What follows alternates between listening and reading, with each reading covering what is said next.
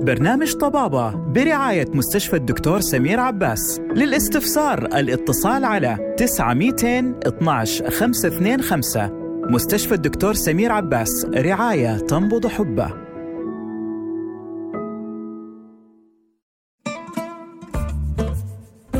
طبابة مع الدكتور نزار باهبري.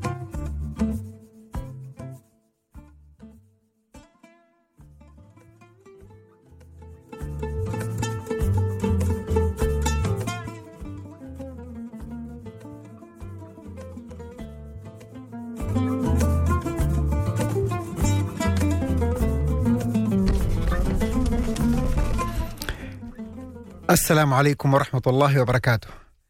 بسم الله الرحمن الرحيم والصلاة والسلام على رسول الله.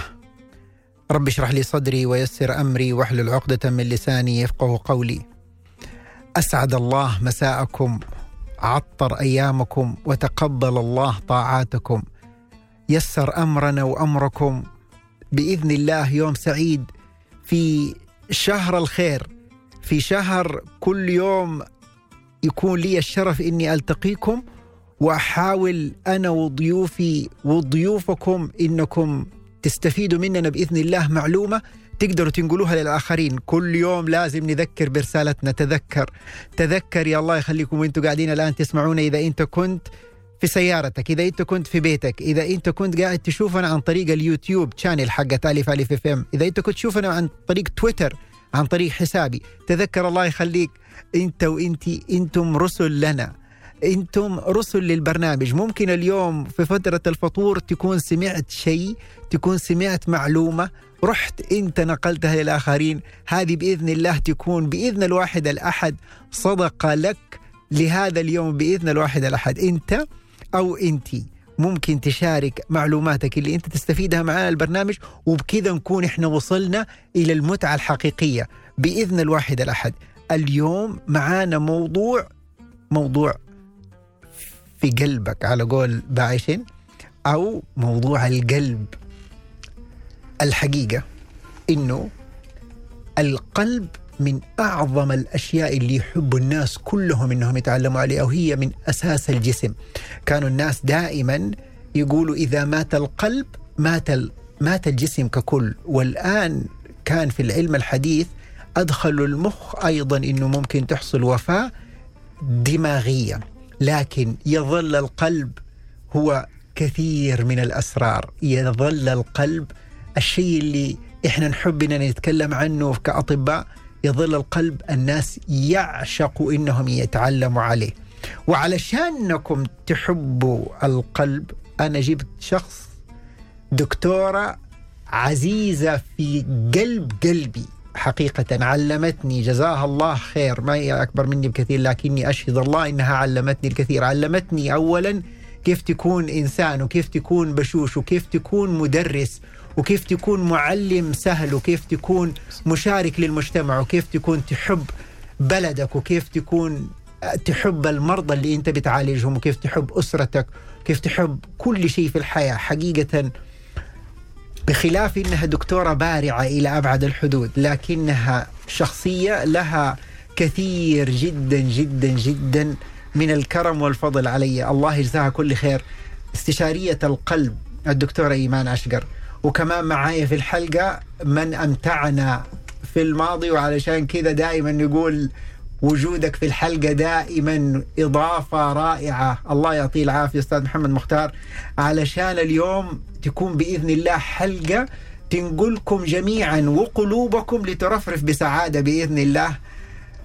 بإذن الواحد الأحد أصحكم تبعدوا عن الآن اللي أنتم بتسمعوه لأنه أوعدكم بإذن الله راح تكون ساعة بإذن الواحد الأحد. راح تكون ساعة رائعة للجميع. بإذن الله توكلنا. أول شيء نقوله للدكتورة إيمان القلب يا دكتورة. أمراضه؟ بسم الله الرحمن الرحيم. الحمد لله والصلاة والسلام على رسول الله. اللهم صل على سيدنا محمد وعلى آله وصحبه وسلم. آه، في الأول آه، دكتور نزار الله يبارك لك في علمك وفي عطائك ويكرمك إن شاء الله بحب الله. أولا وبحب الناس ويكثر من خيرك إنك تعلم الله الناس. خير. الله يبارك لك في كل شيء. آه القلب. مش حنقول القلب؟ القلب ما القلب. كثير. خليني أنا أقول لك القلب دحين لو إحنا جينا نصوره للناس القلب آه له بطانة. وإذا دخلنا على البطانة دخلنا على عضلة. وتحت العضلة في صمامات وفي العضلة في أوردة. في زي كذا نفس الشرايين. هذا الأساس اللي الناس كلهم يقول لك جاته أكثر شيء الناس يخافوا منه ودائما يكون جدا مؤثر اللي هو جلطة القلب. اللي معناها إنه كأنه الشريان اللي يغذي بالدم القلب انقفل. هذه رقم واحد. بعدين في عندنا جوة القلب في صمامات. بعض الأحيان تكون ضيقة وبعض الأحيان تكون واسعة. صحيح هذه تقوم تتأثر. وأحيانا تتأثر من ارتفاع ضغط الدم. وأحيانا في خفقان زي الواحد اللي يحب تعرفي لما لما تحب كيف قلبك يرفرف مو يقول لك قلبك يرفرف؟ هذا لما يصير عندك خفقان أحيانا يكون بسبب كهربة القلب. والقلب فيه أمراض كثيرة لكن أنا أبغاك تقولي تبدأي بالمرض اللي أنت تحبيه. لا ما في مرض احبه طيب بلاش تحبي. المرض اللي اولا اولا كل يوم عندك في العيادة. اولا سبحان الله الحديث النبوي قال لنا في الجسد إلى مضغه اذا صلح صلح الجسد كله واذا فسد فسد الجسد كله. المعنى الأساسي فيها المعنى الديني أو المعنى الروحي. ولكن حتى في العلم فعلا القلب مضغة. إذا صلح صلح الجسد كله. واذا فسد فسد الكل. كيف؟ عضلة القلب هي المسؤولة عن ضخ الدم عن طريق الصمامات إلى الشرايين. Bien, إلى كافة أجزاء الجسم لتوصيلها بالأكسجين. وبذلك تعيش كل الأجهزة في الجسم. يعني عشان الكلى تشتغل عشان الرئة تشتغل عشان الدماغ يشتغل عشان الأطراف تشتغل أنت محتاج دم يوصلك من القلب إلى هذه الأعضاء. ويرجع تاني للقلب عشان يتأكسد من الرئة ويرجع تاني. فاولا الطريق من صمام القلب إلى عضلة القلب إلى الصمام الآخر إلى الشرايين ينتشر الجسد كله. إذا إذا أي مفرق من المفارق دي أو أي مكان اللي هو الصمام أو العضله أو الشريان تعب لازم يكون في مرض حيأثر على تغذية الأجزاء الحيويه الأخرى. يعني إذا تعب في القلب يتعب الأعضاء الأخرى. من غير شريس هذا اللي حيحصل مع الأسف إذا إذا الصمام انسد صعب يوصل الدم للأجهزة. إذا العضلة ما قدرت تضخ الدم صعب يوصل الدم للأجهزة الحيوية. إذا الشرايين مسدودة وما وصلت الدم صعب الدم يوصل. وبالتالي محتاجين الثلاثة يكونوا في حالة صحية جيدة. طيب أنا لو جيت قلت لك الآن وأنت تقولي لأي أحد أديني كذا شيء بسيط يقول لي للناس متى أنا أشك إنه عندي جلطة حقة قلب؟ بأسلوبك البسيط. هي هي بالأول جلطة القلب تحصل لفئة معينة من من الناس. تمام. فإحنا عندنا في أمراض تيجي في الطفولة وفي أمراض تيجي في الشباب وفي أمراض تيجي في الكبار في السن. حلو. كل واحدة لها أعراض وكل واحدة لها تأثيرها على حياة الإنسان ووجوده في حالة صحية جيدة. اللي أكثر الناس أكثر شيء يتعب الناس اللي هو شرايين وجلطة القلب اللي بتحصل. شرايين أو جلطة القلب علشان تحصل لازم يكون في انسداد في الشرايين التاجية المقدية لعضلة القلب. هذه الشرايين متى تنسد؟ تنسد في الكبار في السن أو بلاش نقول كبار في الأربعين بعد الأربعين. حلو. في السيدات بعد سن الخمسين في حال وجود عوامل خطورة أخرى مش بس وجود الأربعين السن لازم يكون لا قدر الله الإنسان مدخن عنده سكر عنده ضغط عنده سمنة مفرطة عنده قلة حركة. هذه عوامل الخطورة تؤدي الإصابة بشرايين الج... شر... انسداد الشرايين التاجية للقلب. بالإضافة للعامل الأسري لو كان الخال ولا العم ولا الوالد أيوه فنبغى نركز على إنه حقيقة الجينات صارت بتلعب دور كبير. إذا أنت كنت تبغى تبغى تتنبأ مين اللي ممكن إنه يتأثر قلبه ممكن تشوف مين من أبوك أمك عمانك إذا كانوا كثير منهم مصابين بالقلب لازم تعرف إنه في عندك احتمالية أكبر للإصابة بأمراض القلب. هو الأخذ بالأسباب برا مهم. كون الخال ولا الأم ولا الاب جاهم جلطة قبل كده هذا ما يصير عامل يخوف الواحد. أنا خايف أنا خايف عندي جلطة في القلب وممكن تحصل لي جلطة في القلب. لكن الأخذ باسباب في أشياء ما تتغير في أشياء تتغير. كون الواحد عمره 40 سنة ما حيتغير. كوني رجل أو ست ما حيتغير. كونه خالي ولا أمي ولا أبويا جاته جلطة في القلب ما حيتغير. إيش اللي حيتغير العوامل الأخرى المساعدة الثانية؟ العوامل الأخرى كلها حنف... نعرفها بعد ما نرجع من الفاصل.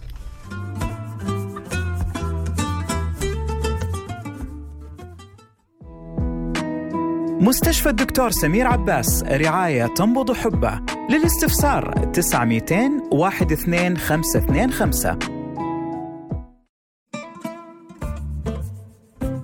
طبابة مع الدكتور نزار باهبري. ورجعنا لكم للأشياء اللي أنت تقدر تغيرها علشان يصبح قلبك أفضل. دكتور. عوامل الخطورة زي ما قلنا التدخين السمنة عدم انتظام سكر الدم عدم انتظام الكوليسترول في الدم قلة الرياضة. طيب الأساسيات. دقيقة. دحين هذه يعني ناس كثير. أنا لو قلت لك في جاكي واحد التراكمي حقه سبعة. وواحد التراكمي حقه تسعة. يفرقوا في العلم يبين فيه مقدار الخطورة أكبر أبو تسعة مقارنة بأبو سبعة؟ في الأول عدم انتظام نسبة السكر في الدم والتراكمي تسعة تؤدي إلى القصور القلب الانبساطي حتى لو ما في انسداد في يعني الشرايين إيش قصور قلب يعني خلينا القلب يقدر لا الكلام. هو في القصور القلبي أو أي. الناس تسميه الفشل القلبي أو heart failure آه، الفشل حق القلب. أيوه هذا يحصل نتيجة مرض في الصمامات أو في الشرايين أو في عضلة القلب تمام. لكن ممكن يكون ما في انسداد في الشرايين ممكن تكون الصمامات سليمة لكن عدم انتظام السكر في الدم والتراكم العالي يخلي عضلة القلب تقدر تنقبض كويس بس انبساطها وفتحها يكون ضعيف جدا آه. ضد مقاومة زي ما لكل الناس الحلوين الآن اللي بيسمعونا لكل لا. الحلوين اللي حلاهم زايد إنه أنتبه التراكم اللي فوق سبعة يخلي قلبك يقدر ينقبض بسهولة بس ما يقدر يتمدد بسهولة وبالتالي ما يضخ دم بسهولة زي ما أنت تتوقع. تمام وضغط الدم يفرق انهم ينتبهوا للضغط؟ هو ضغط الدم والسكر الاثنين يعملوا ضعف الغصون القلب الانبساطي حلو. لكن هذا لا يعني إنه كمان يكون سليم. طالما في نسبة تراكمي أكثر من سبعة غالبا يكون وزن زايد غالبا يكون ما في حركة. هذا يؤدي انسداد الشرايين أكثر. وانسداد الشرايين ما يكون جلطة قلبية مفاجئة. يكون مع الوقت تسد الشريان أيوة، شوية شوية لحد ما تيجي الضربة ال- أيوه إحنا نبغى نقول للناس إنه ال- الجلطة ما تجي لأغلب ما تجي البشر فجأة. فجأة. ما تجي. تجي ال ال ال الشريان يضيق يضيق يضيق وعشان كذا تلاقي البني آدم إذا بذل مجهود حس بألم كذا ضيق على صدره كأنه شيء جالس على صدرك كأنه في ألم في كتفك. إذا ارتحت يخف هذا الشيء. بالضبط. فيصير كل ما حملنا القلب كل ما شعرنا بالأعراض. هذه شيء أبسط حاجة الناس تعرفها عن جلطة القلب إنه إذا عملت مجهود يتعب قلبك تقوم تحس بالآلام. والله شوف هو زي لما يكون عندك سيارة وتعمل لها صيانة دورية. أيوه. القلب محتاج صيانة دورية. أيوة. يعني بعد الأربعين محتاج صيانة دورية. تتأكد انه الكوليسترول نسبته كويسة السكر نسبته كويسة الضغط منتظم الوزن ما تعدى الحد الأساسي أو الحد حلو. المثالي. الصيانة الدورية للشخص مع وجود عوامل الخطورة أو وجود عامل الاسره ان في أحد عنده يحميك من لا قدر الله إصابة مفاجئه فلو إنسان كان من ما نستنى لحد ما يجيني الألم اللي في الصدر اللي يروح للكتف واللي يروح ما استنى. أيوة. ليش استنى؟ أعمل له صيانة من. قبل. أستاذ محمد حبيب القلوب. معليش الله يعطيك العافية. أنا قلت قلت اسمه ما هو علشان الكبر. خلاص أصابني الكبر. فجزاه الله خير بكل بكل هدف قال لي ترى اسمي محمد زكريا. ما اسمي محمد مختار. فأي حال من الأحوال الله يكرمك. قل لي ماذا يعني لك القلب؟ إيش القلب يعني للإنسان؟ القلب حقيقة نحن كما نعرف حتى طبيا أول ما يكون في جسم ال- الأم القلب. دليل أهميته. يتكون أول شيء من دم ما يتكون الجسم الباقي. دليل هذا أنه هو إيش؟ هو المركز الرئيسي في إيه؟ أو النواة المركبة لهذا الإنسان. هذا واحد. الشيء الأساسي القلب له عاملين. عامل مع الخلق وعامل مع الخالق. العامل مع الخالق الصدق الإخلاص الخشية المراقبة هذه في القلب. مع الخلق المحبة. صحيح. فتنزل محبة من أجل الله فتدخل أيضا برضو من القلب. فلذلك القلب هو عبارة عن حقيقة عنصر مهم جدا جدا جدا. زي ما تفضلت الدكتورة هو مشغل لكل الأعضاء. إذا أي عضو ما ما رضي يقبل شيء دم من الدم من القلب الدم ما وصل جلطة. ليه؟ لأنه ح- حجب عن نفسه الخير اللي بيجيله من القلب. طيب. فإنسان يحجب الخير يتعطل. أبغى أعرف إيش الفرق بين القلب والفؤاد. أيوه. هذا المساله مهمه جدا وأنا كنت بأشير إليها ولكن أنت ما دام جبتها أنا هي. الفؤاد عاطفة والقلب جدي فالله يبغى يبين إنه أكثر المرأة دائما عاطفية والرجل جدي. فلما جاء عند أم موسى لما رمت ولدها في الماء بين الفرق بين الفؤاد والقلب. لما رمت ولدها فهنا أصبح العاطفة فيها فأصبح فؤاد أم موسى فارغا إن كادت لتبدي به تبى تقول ولدي. ولو قالت ولدي فضحت القضية. ولكن الله أحال الفؤاد العاطفي إلى قلب جدي. لولا أن ربطنا على قلبها ما قال ربطنا على فؤادها. الله. يعني حولنا لها الفؤاد حولنا لها الفؤاد إلى قلب. كيف حولنا الفؤاد إلى قلب؟ يعني خليناها بدل عاطفية إلى جدية. ولكن سبحان الله كما أن الأمهات يتعاملن بالفؤاد الأنبياء أيضا يتعامل يتعاملوا بالفؤاد. لأنهم مثل الأمهات في حنانهم وعطفهم على أممهم. الله سبحانه وتعالى إيش يقول؟ ما كذب الفؤاد ما رأى. فتعامل بأن صيغة الفؤاد للأنبياء في تعاملهم مع الأمم لأنهم عندهم مثل الأم في العاطفة فلازم يكون عندهم الحنان وال- والمحبة والعطف. فالله قال فأصبح فؤاد أم موسى فارغا أنا قال كان كذب الفؤاد ما رأى. لكن لولا أن ربطنا على قلبي أحال الفؤاد العاطفي إلى قلب جدي حتى تتحمل ولا نحن ما قلنا لك إنه ردي ردون ردي ردوه اليك. فانت ما في أي إشكالية. فهذا الفرق بين الفؤاد والقلب. طيب. دحين بحكم إنه الدكتورة كانت تقول لنا على الأشياء اللي تخلي قلبك سليم نعم. إيش معنى؟ إلا آه، الله إلا من أتى بقلب إلا سليم. من أتى بقلب سليم. السليم هنا معنى مهم جدا العهد. انت اخذت عهد بينك وبين الله قبل ما تجي وإذ أخذ ربك من بني آدم من ظهورهم ذريتهم وأشهدهم على أنفسهم. ألست بربكم؟ قالوا بلى. في عهد بينك وبين الله إنك أنت قلت له بلى أنت ربنا. عشان تسلموا القلب سليم كما سلمك يا سليم تسلموا سليمين. سليم معتقد بإيمانك بي وسليم ما في ما في خلل على الناس. لازم آه، ما في خلل على الناس. مع الناس ولا على رب الناس مع رب الناس المعتقد. إلا من أتى الله بقلب سليم أي بقلب لا يعرف إلا الله. وبقلب ما يحمل على الناس. يقولون ربنا اغفر لنا ولإخواننا الذين سبقونا في الإيمان ولا تجعل في قلوبنا غلا للذين آمنوا إذا امتلأ القلب بالغل ما أصبح قلب سليم أصبح قلب آه. مريض صحيح. فمرضه إيش الحقد الغل الحسد كله منبعه القلب وهو وهو أصلا يا دكتورة الغل ولا إنك أنت تشيل ضغوط يتعب القلب طبعاً يعني يتعب. علميا يثبت ال... الحالة العاطفية مهمة جدا كل ما كان الإنسان مهموم سواء كان مهموم آه، هم خاص أو حزن خاص أو كان مليء بالحقد أو الغضب أو الغيرة أو الحسد هذا كله يأثر عليه. أول شيء يرفع الضغط يزود ضربات القلب يساعد على الإصابة بجلطات القلبية. يعني هو مثبت. مثبت إنه الانفعال ممكن يسبب جلط جدا الانفعال جدا ممكن يسبب جلطة لا قدر الله وكل ما كان الانفعال شديد مع وجود عوامل الخطورة أيوة. يصير إصابة أسرع. لكنه مثبت. مثبت إنه الانفعال في بعض في مرض يسموه مرض القلب الانكسار انكسار القلب. في حالة الحزن الشديد أو الانفعال الشديد يحصل فيه قصور قلبي وضعف عضلة القلب. يعني في ناس يكون قلبهم تماما سليم. صغار في السن كبار في السن قلبه تماما سليم. يحصل له كسرة في قلبه يقوم فجأة يتحول قلبه إلى فشل فيه ما عاد يكون بنفس القوة. تكون الصمامات كويسة وعضلة القلب كويسة والشرايين كويسة وكل الجدار القلب كله كويس لكن نتيجة لإصابة عصبية شديدة سواء حزن شديد فقد مفاجئ لا قدر الله أو حالم في يعني حتى في في الانفصال بين الزوجين مثلا ولا شيء ممكن يؤدي إلى انكسار في القلب يؤدي إلى قصور قلبي وكل الأعراض ضربات زيادة ضيق في التنفس توازن في يعني الرجلين. طلعوا من جد هذول في بعض الناس اللي يحبوا إذا بعدوا عن حبيبهم ممكن يفشل قلبه مع الأسف سبحان الله أيوه. بس بس حقيقة يعني أيوه حقيقة. لا لا أكيد أيوه أكيد. وبعدين يعتمد. لو آه، مدته تقريبا يقعد من ستة شهور لتسعة شهور بعد الفقد المفاجئ مثلا زي في حالات الوفاة لا قدر الله. لكن لو استمر الحزن واستمر التعب والانفعال يفضل القصور القلبي ده مستمر. لكن إذا اتحسنت نفسيتك يرجع قلبك كويس. الله يتحسن كثير. بس لكن نبغى نأكد على إنه موجود هذا المرض. ممكن واحد حقيقة يكسر لك قلبك. مع الاسف حنطلع فاصل وحنرجع نكمل.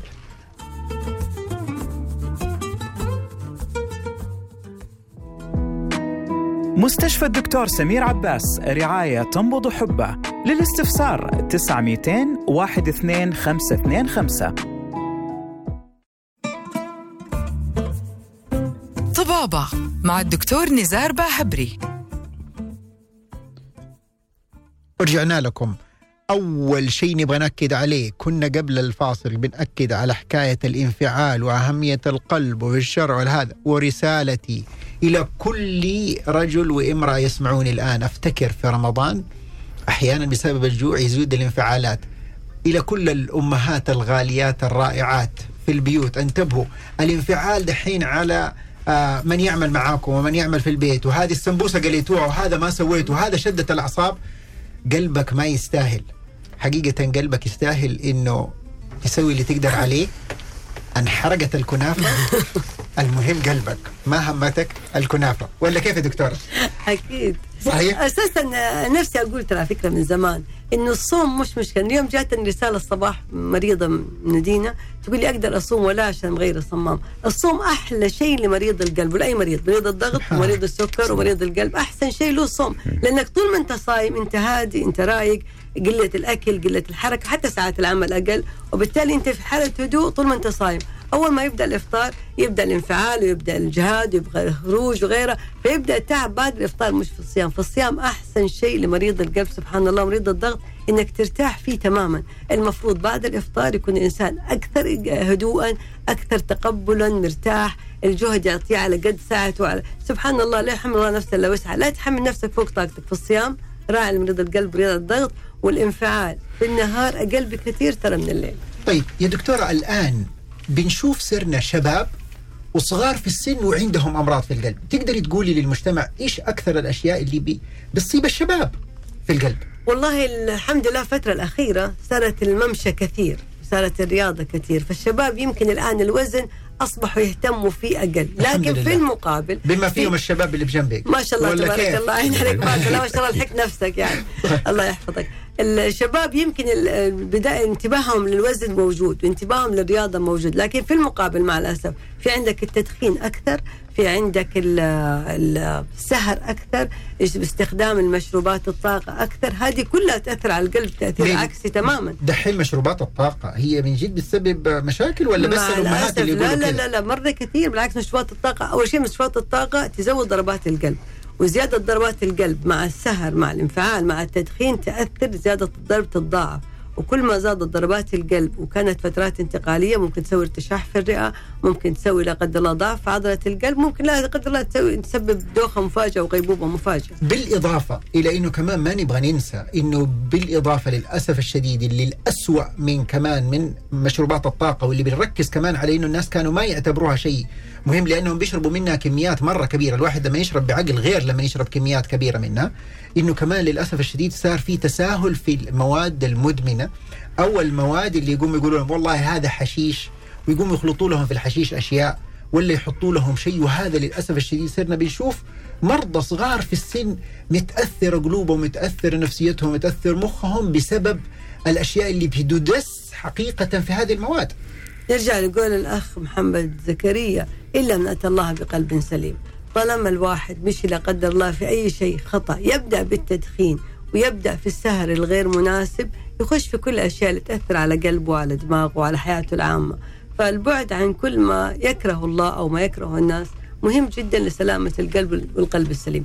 المشروبات ال- الطاقة كلها التدخين كله بكل أنواعه. ممكن يقول لك لا والله بس أشرب شيشة مرة واحدة في اليوم الشيشة مرة واحدة في اليوم تعادل بكت دخان طيب. طيب. مرة ما هي قليل. بس السجائر الإلكترونية طيب. أسوأ بكثير. السجائر الإلكترونية زمان أسوأ. زمان أنت عارف إحنا أخذنا دراسة زمان الله يرحم الدكتور عدنان جمجم يمكن قبل 30 سنة في الجامعة إنه السجاير تعمل سرطان اللثة، الناس مش منتبهت له. يمكن أنت الحين ال- ال- يعني الاهتمام بالأسنان أو بالفم أكثر بالعيادات الأسنان الكثير، لكن ترى يؤدي لأشياء ثانية مش مجرد قلب واستداد شرايين، يؤدي لسرطانات لا قدر الله يؤدي لنقص مناعة، فما ما حرم قليله فكثير ما حرم كثير فقليله حرام الدخان بكل انواعه الدخان الالكتروني ابدا ما هو فرحة وما هو ما شاء الله بس برستيج وشكل لكنه أقل خطورة. نفس الخطورة حق الدخان. أيوه في في عندنا دراسات مثبتة تبين إنهم نفس الخطورة. أستاذ محمد قد إيش ذكر القرآن والسنة ذكرت حاجة أنت دائما تتذكرها في القلب؟ نعم. هو حقيقة يعني أول شيء نعرف أن القرآن عشان ينزل يعالج قضية ما نزل ينازل يعالج على القضية العقلية نزل ينازل يعالج على القضية القلبية لأن القرآن ما تعامل مع العقول تعامل مع القلوب نزل به الروح الأمين على قلبك إذا كان الأصل في القرآن نزوله على القلب وتلقي على القلب ليه؟ عشان هو مصدر الغذاء مصدر العطاء فكان القرآن يخاطب قلوب والدليل يخاطب القلوب أنه الصغير يحفظ والكبير يحفظ الأم يحفظ والمتعلم يحفظ العجمي يحفظ والعربي يحفظ. لو كان بيخاطب عقول معناه كان صار منهج علمي ولكن صار يخاطب قلوب معناه مشترك في دائرة واحدة. كل البشرية مشتركين في القلب في طاقة واحدة إنه ضخ دم وتلقي إيش؟ رسائل خارجية من الله سبحانه وتعالى. فلذلك الله بين انما الذي ذكر الله وجلت قلوبهم. العامل الأول زائد وإذا تليت عليهم آياته زادتهم إيمانا. يساوي وعلى ربهم يتوكلون مصدر التوكل القلب. فإذا قلبه توكل اطمأن الجسم. صار ما عند الإنسان خوف من المستقبل لأنه قلبه مطمئن. إلا من أتى الله بقلب سليم أي بقلب مسمئن سليم بكل ما. القرآن بيخاطب القلوب لكعلاج وهذا مهم جدا. الآن نحن بنعالج القلوب بالعلاجات العلاجات الأدوية للمرض العضوي. لكن الأمراض الروحية الأمراض القلبية الأمراض حتى النفسية القرآن يعالجها. الذين آمنوا تطمئن قلوبهم بذكر الله. ألا بذكر الله تطمئن القلوب؟ يعني القلب فيه له ترى إيه؟ غذاء خاص. وفي كل الذكر يطمن القلب إيه. ولا في أذكار أنت دائما أنت كمحمد تحبها؟ نعم. تقول هذه يطمن قلبي. يشوف أنا بقول لك الله عدد الجوارح ليه؟ عينين أذنين شفتين فتحتين الانف يدين رجلين كريتين رئتين قلب واحد. يبغى القلب الواحد في طريق واحد في رضا الواحد. الله أكبر. مصدر قيادة الإنسان الآن مثل مركز- مركز قيادة السيارة. الآن خلينا دركسون واحد للسيارة مقود واحد عشان تكون سياقة سليمة. ما جعل الله لرجل من قلبين في جوفه. لو جعل قلبين صار ازدواجية في القيادة الله يبغى القلب الواحد في رضا الواحد بذكر واحد. الله. ذكر الواحد. فلما يذكر الإنسان الواحد يصير عنده اطمئنان يا سلام. استشراب القلب. القلب كده هو. لقد ذاق حلاوة الإيمان. حتى القلب له مذاق. لقد ذاق حلاوة الإيمان. من رضي بالله ربا وبالإسلام دينا. محمد صلى الله عليه وسلم رسول ونبي. إذا القلب له مذاق.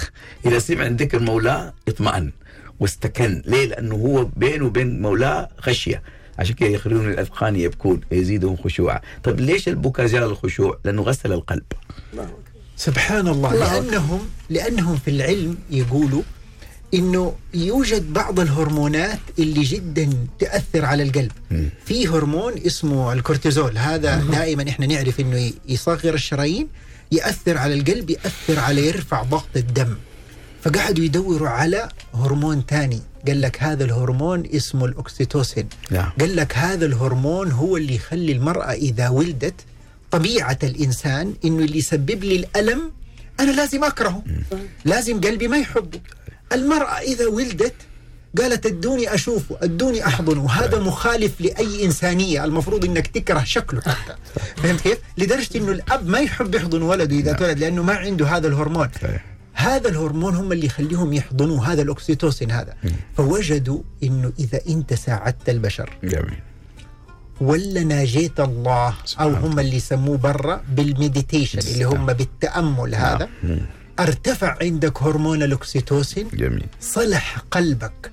قام اتحسنت الشرايين حقتك. هو هذا لما تساعد الناس يقوم يقول لك واحد جزاك الله خير. يقوم يقول لك واحد إذا كان بيضايق يقوم تحمر خدوده. جميل. هذا هو هرمون الأكسيتوسين اللي يريح قلبك لما أنت تساعد الآخرين. فقام قال لك زي ما اهتمامك بالأدوية مهم وأنت مهتم بإنك تنتبه لأدويتك ولقلبك وللاشياء هذه كلها كمان بإمكانك بشكل كبير مساعدة الآخرين مناجاتك مع الله تريح قلبك نظرا لأنها حترفع الأكسيتوسين. وهذا ياكد على إننا إحنا في البرنامج بنحاول نضرب مثال للكل إنه الترابط كامل ما بين كل نواحي الحياة والصحة، الصحة صحة جسمك، صحة قلبك، صحة هذه الهرمونات اللي بتعمل داخلك هي مترابطة مع كل أشياء حياتك، الدين داخل في صحة قلبك، الرياضة داخلة في صحة قلبك، انتباهك لعيلتك داخله في صحة قلبك، الأشياء اللي أنت بتشتريها، سعادتك تنعكس على هرموناتك ينعكس على قلبك.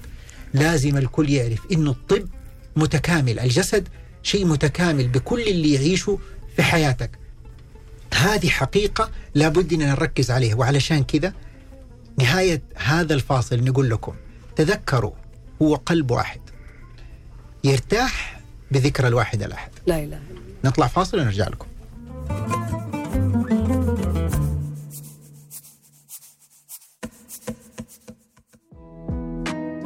مستشفى الدكتور سمير عباس رعاية تنبض حبه.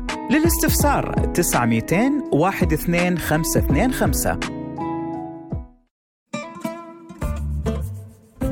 طبابة مع الدكتور نزار باهبري. دكتورة إيمان المرضى إذا جوك العيادة وجول كل دكاترة القلب الله يكتب لهم الأجر بالذات إذا كان عندهم جلطة يقوموا يلاقوا كمية كبيرة من الحبوب.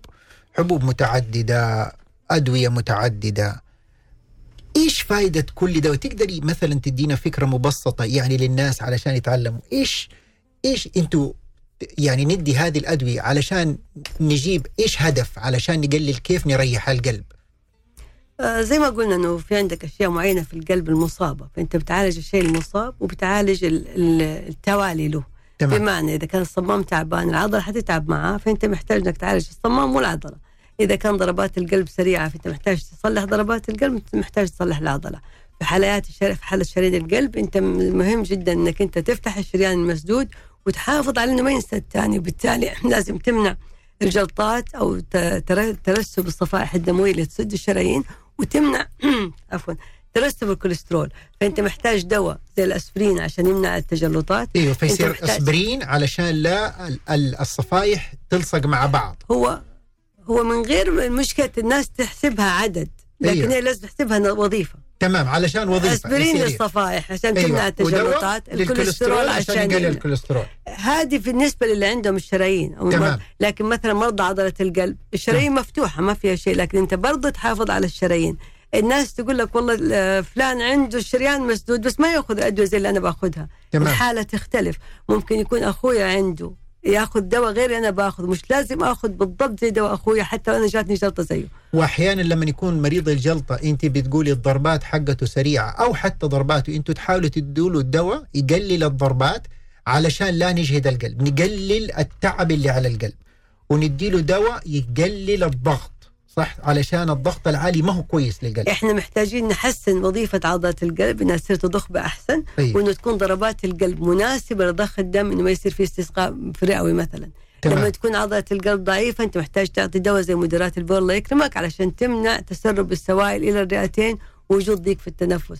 فتختلف حسب غالبا أغلب مرضى القلب بالذات الشرايين محتاج تقريبا خمسة أدوية. أحيانا في نفس الحبة فيها دوايين فيأخذهم أربعة بدل خمسة. أحيانا يكون معاه سكر وضغط فأنت محتاج تصلح لهم ترفع الأدوية من خمسة تصير لسبعة. المهم إنه الوضع يختلف من واحد لآخر تماما. اللي يحتاجه الشخص ده ما يحتاجه الثاني. في بعد إذنك بعض المرضى مثلا زي الأطفال زي الشباب اللي إحنا قلنا عليهم تكون في عنده زيادة في ضربات القلب. تعطيه دواء يقوم يقول لك والله ده ابويا ياخذه عنده جلطة ليش أنا تعطيني إياه وأنا عندي ضربات قلب؟ أنا ما عندي جلطة. فمو معناه إنه ياخذه عشان جلطة معناه ما يستخدم في استخدام ثاني. في دواء يستخدم للضربات وللضغط ولعضله القلب. هو نفس الدواء.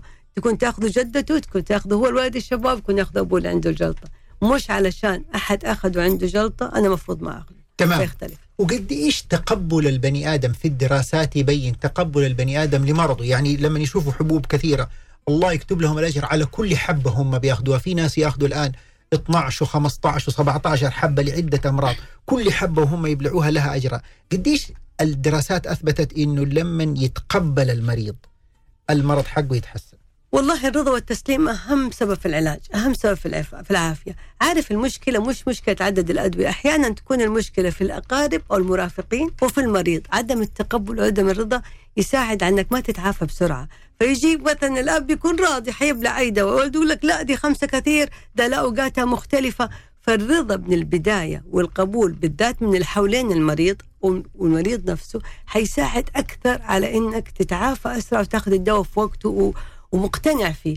أول ما ما تقتنع في الدواء تقول لك والله أخذ الدواء ده واحد تاني وما نفعه فأنا ما حاخذه أو إنه يروح البيت يقولوا له بلاش تاخذه الثاني ما اخذه ولا الثاني اخذه ومرض. وفي عندنا مشكلة مرة كبيرة في المجتمع حكاية انه دوبك تروح لدكتور وتكون أنت مقتنع بيه يقوم بس ترجع البيت ويقوم يقول لا لا لا لا يا شيخ مو هذا. أنا عندي لك واحد ثاني صح؟ وبلاش هذه المستشفى أنا عندي مستشفى ثاني. مع الأسف ده اللي بيحصل دائما وعدم الثقة بين الطبيب والمريض هي السبب في المضاعفات. وعدم الثقة بين الطبيب وأهل المريض هي السبب في المضاعفات. إن الواحد يتنقل من مكان لآخر يعني مع الأسف خطأ كبير لأنه في الآخر الفائده ما المريض الدكتور شافك أول مرة مش هو شافك خامس مرة. فما يعرف اللي في خامس مرة ما شافك أنت كيف كنت في حياتك الأساسية. وكمان في نقطة مرة مهمة آه، كثير من الدكاترة يعانوا منها إنها لما يكون في عدة أدوية فيكون لها شركات كثيرة بتسويها. فتقوم تروح لمستشفى أحيانا آه، تلاقي إنهم أعطوك دواء كوليسترول بعدين رحت لنفس. يعني رحت لمستشفى ثانية أدوك دواء كوليسترول هو نفس الدواء بس شركة ثانية. أنت ما أنت داري. فيكونوا ياما أنت ما شفتي ناس يبلعوا نفس الدواء. ثلاث حبات. كثير. والكوليسترول هين موضوع لكن تخيل لما تاخذ دواء الضربات تاخذه من شركة وتاخذ واحد ثاني من شركة ثانية واثنين يأثروا على الضربات. أنا كان هدفي من الدواء إني أقلل الضربات أخذ الدوايين في نفس الوقت من غير مراجعة للطبيب تخلي ضربات القلب. اللي أنا أبغاها توصل ل 66 صارت 54 وده في خطورة كبيرة عليه.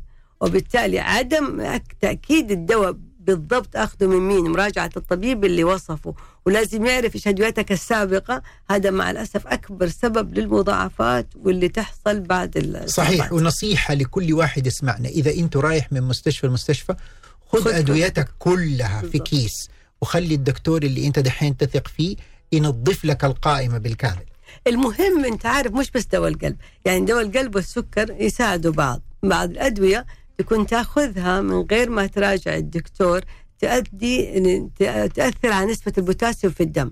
البوتاسيوم لو ارتفع أو لو نقص في الدم خطير جدا على القلب فيكون ياخذه من غير ما يقول. أهم شيء في أدوية مرضى القلب أغلبهم الكبار في السن إنهم ياخذوا أدوية مفاصل كثير. كل أدوية الوجع ال- ركبتي توجعني مغير صمام جسمي ما قدرت أوقف كل الادويه دي تروح للصيدلية تاخذها منه من غير مراجعة الطبيب هذه مع الأسف تأثيرها على الكلى كثير جدا وممكن تزود نسبة البوتاسيوم وممكن تزود الضغط وبالتالي أنت بتاخذ دواء عشان يحسن لك رجولك وضع المفاصل لكن حيأثر على القلب بصورة سلبية تماما. فدكتورك لازم يكون شايف كل أدويتك علشان يقدر ينتبه ويكون دكتور بيعطيك وقتك ويكون دكتور قادر يشوف كل أدويتك علشان يتأكد إنه الأدوية في مكانها الصحيح. يهمني جدا إنه كل مريض يروح مستشفى ويروح عيادة إنه الله يحفظهم يعني.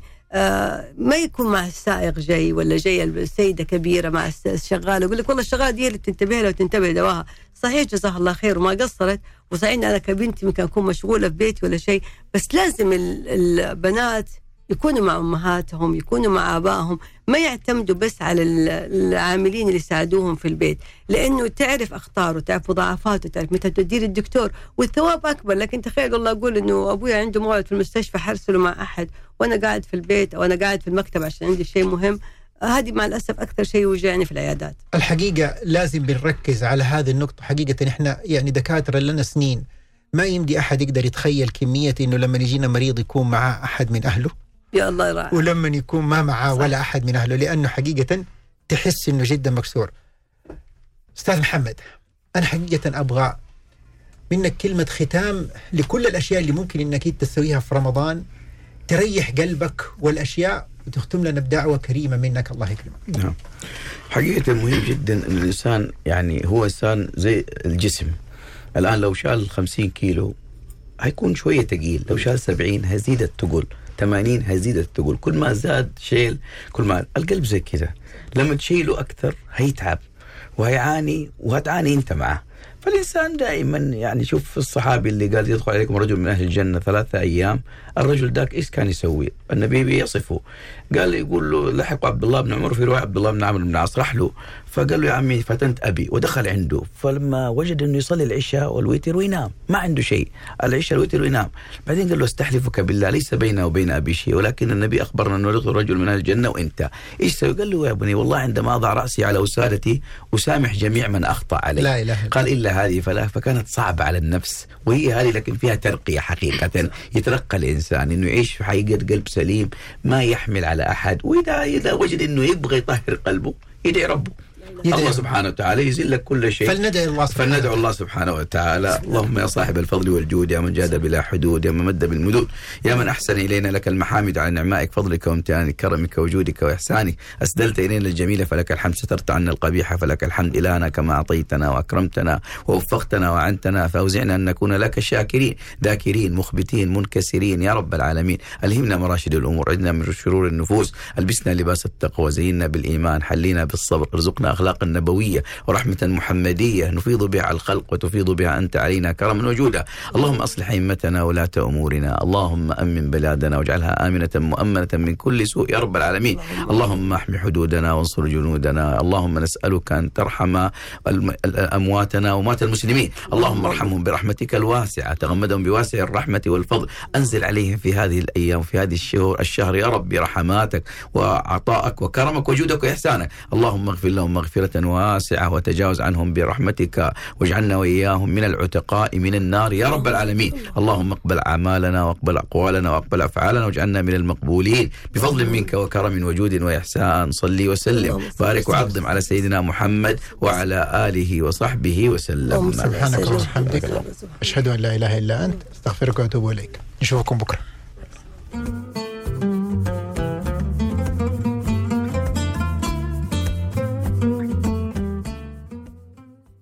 هذا البرنامج برعاية مستشفى الدكتور سمير عباس رعاية تنبض حبه.